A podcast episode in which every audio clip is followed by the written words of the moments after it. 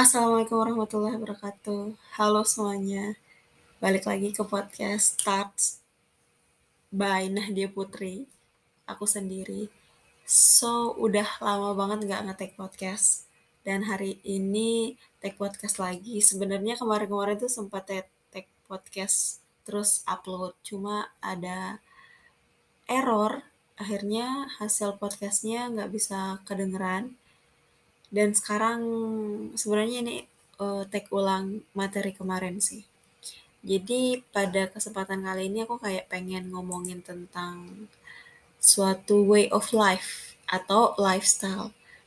Um, menurut aku gitu, kita sebagai manusia gitu dalam menjalani hidupnya, manusia itu kayak punya rule dan pedomannya masing-masing atau prinsip hidupnya masing-masing. Kayak semua itu tuh nggak lepas gitu dari dari gimana cara manusia itu menjalani atau menghadapi jalan hidup mereka tersebut. Dan lifestyle ini jadi hal yang nggak bisa lepas dari manusia, dari kehidupan manusia gitu, secara sadar dan tidak sadar. Kayak lifestyle ini tuh bisa jadi kayak basement all human activity gitu kayak yang bisa nge-influence gimana manusia berpikir, how human think, act dan and feel. Dan pola pikir yang sehat itu bisa didapetin dari hasil implementasi gaya hidup yang sehat and so for cara berlaku dan apa yang kita rasa walaupun ya you know padahal rasa it's really complicated maka aku kayak secara sadar gitu uh, berpikir bahwa lifestyle can meet mindset too dan mindset ini is the key to through all the situation or problem who coming through like a good mindset will lead to another level of mindfulness. Um, jadi kayak memilih gaya hidup yang tepat itu sangat berguna banget sih kayak untuk menjalani kehidupan sehari-hari. Cause lifestyle can build a habit. Dan as a human juga gitu, aku sadar banget kayak fungsi menanamkan mindset yang benar gitu untuk diri sendiri. Karena manusia itu aslinya lemah banget gitu gampang banget buat unmotivated burnout sampai stres. Apalagi di dunia yang sekarang yang notabene kayak everyone just in hurry to get more and more uh, kayak menjalani kehidupan kayak manusia itu sekarang kayak menjalani kehidupan yang sangat hustling banget gitu. Dan kadang-kadang gitu untuk menjalani kehidupan yang seperti itu kita perlu suatu kewarasan. Nah, so to, so nah so to keep sane, aku kayak mencoba tanamin mindset yang bener nih di diriku. Of course, I'm not that perfect, but I'm trying. Buat menanamkan sesuatu dan meyakini itu itu tuh perlu habit yang dibangun, I guess. Bisa lewat lifestyle. Dan ngomongin lifestyle ini mungkin aku pengen ngebahas uh, lifestyle yang menurut aku mind blowing banget. Itu ada dua lifestyle yang menurut aku at least buat aku ya pribadi itu bisa ngurangin bahan buat overthinking. Actually kayak dua lifestyle ini saling berkorelasi sih, which is minimalism dan less waste. Honestly, jujur gitu, aku baru bisa kayak cukup menerapkan hidup minimalis. Itu pun masih kayak lebih ke wardrobe atau apa yang aku pakai dan kayak masih kurang banget untuk menanamkan lifestyle less waste because it's really hard for sure tapi yang ingin aku point out adalah kayak bukan tentang hasil atau impact yang udah kita berikan, tapi tentang proses melakukan itu yang tanpa kita sadari itu menanamkan mindset yang benar di otak kita.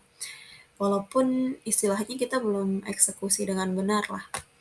And I think it's really important kayak no matter how much changes, what matter is how the process teach us. Contohnya saat aku kayak mulai concern and try up minimalist lifestyle itu aku belajar declutter.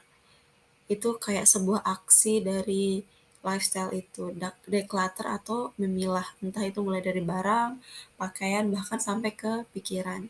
So it's really helpful for me kayak I know what I need to think, I know what I need to keep gitu salah satu quotes yang bikin aku uh, salah satu quote yang aku suka adalah whatever it takes, it should be worth it enough in daily life.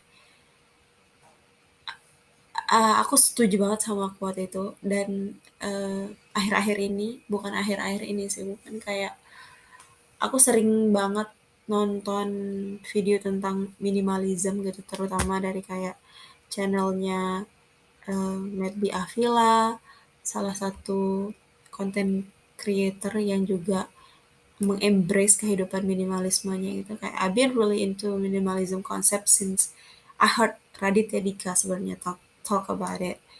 Kayak konsep living minimalism ini benar-benar mind blowing buat aku. It's like that's what I really need gitu. Aku ya kayak yang gak suka banyak barang di ruangan yang setiap pagi kadang sering bingung gitu mau pakai baju apa. And it really kill my time sometimes. Dan beruntungnya aku bukan orang yang menaruh sentimental value gitu terhadap barang. But sometimes I did it for one or two stuff. Living less ini benar-benar kayak bisa ngebuat hidup lebih efektif dan efisien sih. Kayak bahkan bisa ngurangin stres. But balik lagi sih depend on orangnya ya, tergantung orangnya. Ada juga orang yang hidupnya sebagai hoarders and they're fine gitu balik lagi ke Islam sebenarnya. Bisa dibilang Rasulullah itu adalah role modelnya living minimalism. Bayangkan kayak gamis Nabi aja itu ada dua potong. Itu menurut Imam At-Tabrani, Al-Bazar, dan Imam Bukhari. Dan beliau itu sadar semua yang dimiliki akan dimintai pertanggungjawabannya di hadapan Allah kelak. Masya Allah banget gitu Rasulullah lah kita gitu ya bukan siapa-siapa bajunya udah kayak mau dua lemari lebih aja gitu. Living minimalism ini bisa ngelit kita buat ngejalanin hidup yang lebih sehat. Mulai dari ngurangin pola hidup konsumtif kita sebagai manusia dan bahkan bisa kontribusi buat ke lingkungan. This is the point tuh karena karena banyak banget produk waste yang apa ya banyak banget uh, climate change yang kita sumbangkan gitu akibat gaya hidup kita yang konsumtif. Misalnya deh contohnya deh dari masalah pakaian. Kita nggak sadar kalau pakaian itu juga jadi produk waste yang banyak menyumbangkan ke climate change kayak karena fenomena fashion yang selalu up to date itu yang berubah setiap musim gitu sehingga produksinya kan semakin banyak gitu semakin masif finally baju-baju yang udah lama lah atau yang udah tidak udah ketinggalan tren gitu. Kita buang ke laut lah kita bakar lah atau pokoknya tidak di recycle dengan benar. Nantinya yang misalkan yang kita buang ke laut nantinya banyak fauna laut yang mati karena kemakan fabricated material yang kebawa sama baju-baju itu. Uh, aku sih berharapnya ya kita semua itu bisa konser lagi ke gaya hidup yang kita pilih.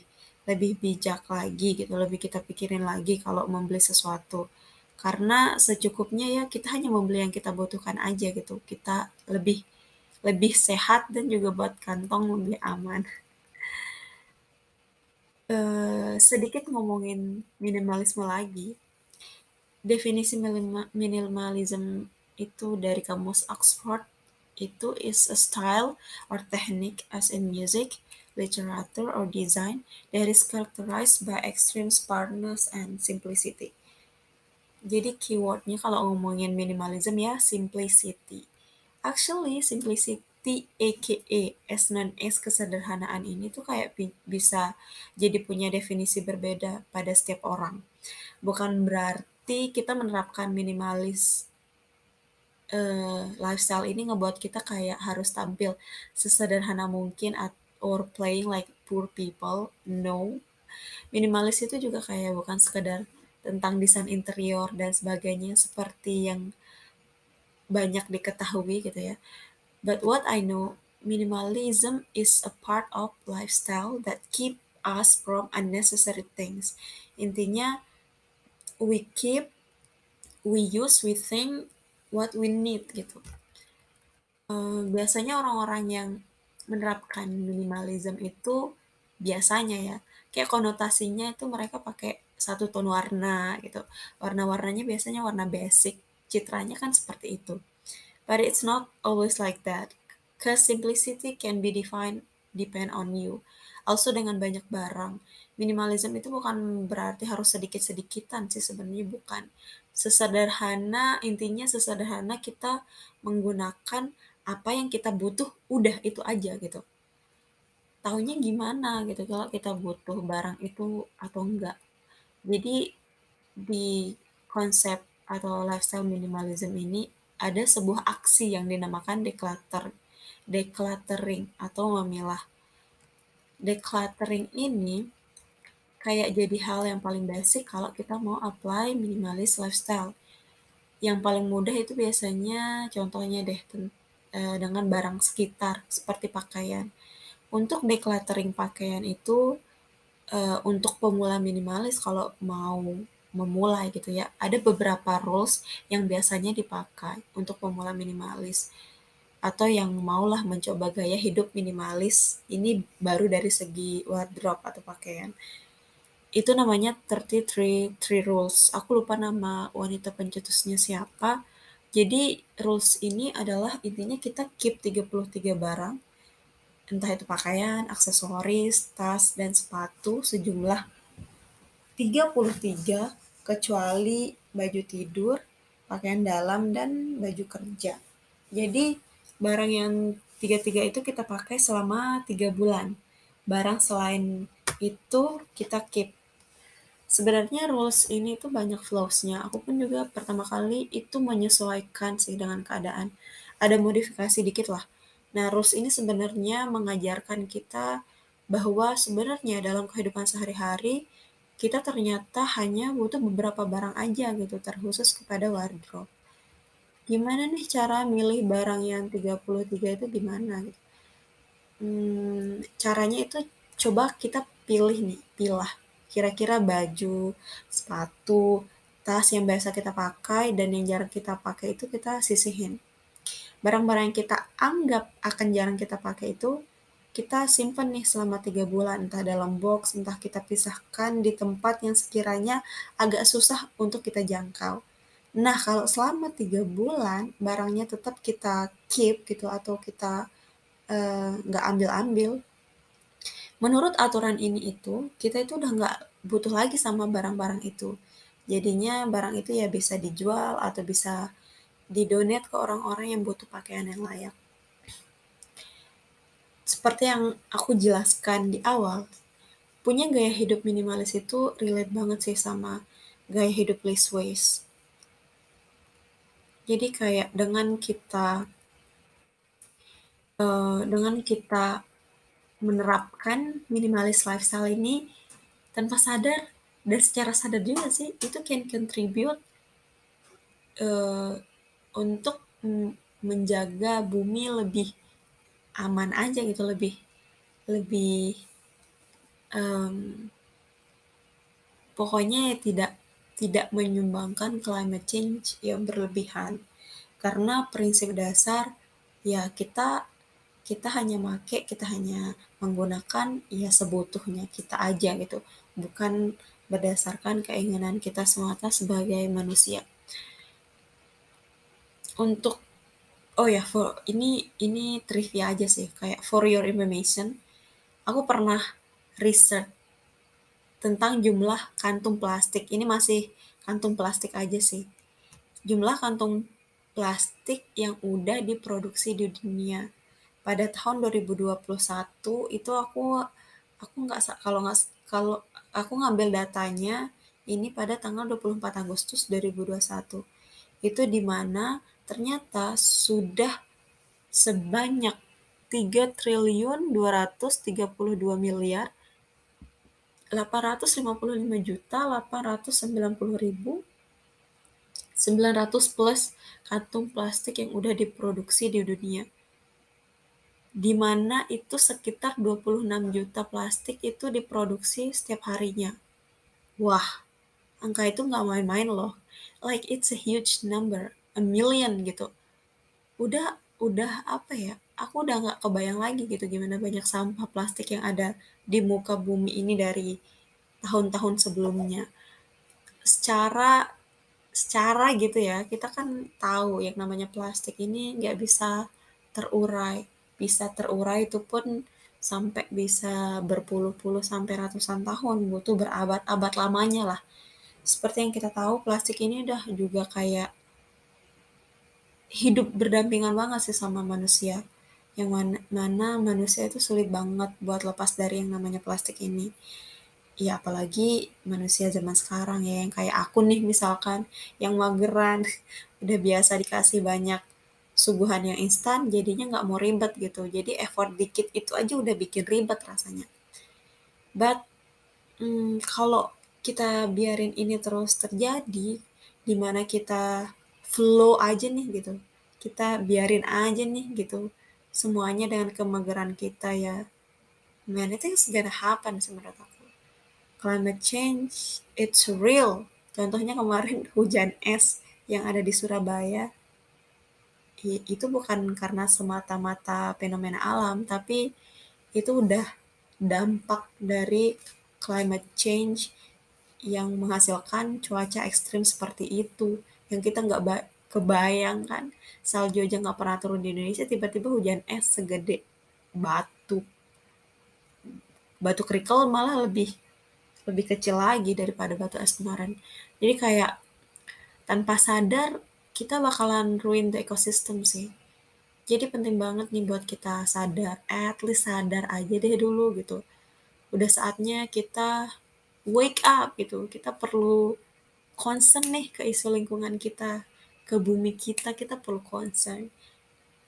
Karena kalau kalau ngelihat secara real gitu, ngelihat data dan sebagainya, itu mengerikan sih mengerikan banget makanya banyak film-film yang dibuat jadi terinspirasi ya dari film-film bumi apa film-film gimana manusia mengekspansi planet lain untuk mencari bumi yang lain itu udah dibuat karena ya emang I think that is based on data-data yang sudah ada sekarang so like I just wanna say take an action even it's small. Karena ya tindakan sekecil apa pun itu bisa membawa perubahan daripada kita acuh banget.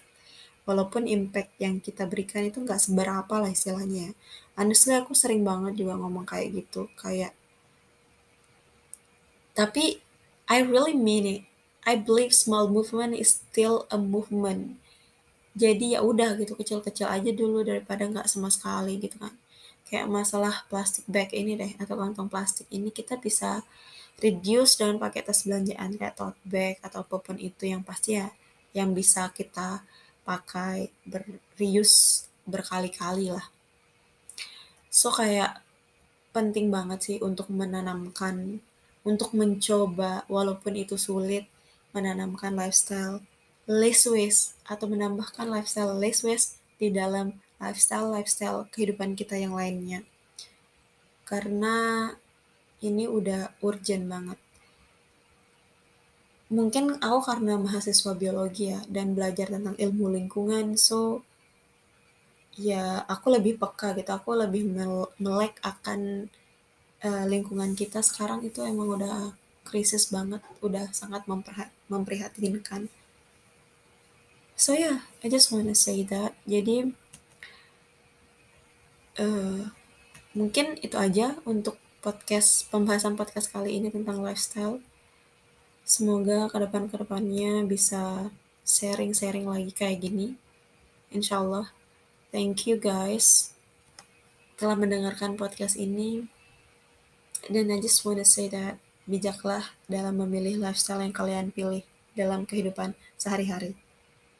So thank you for listening this this podcast and see you to another podcast. Bye.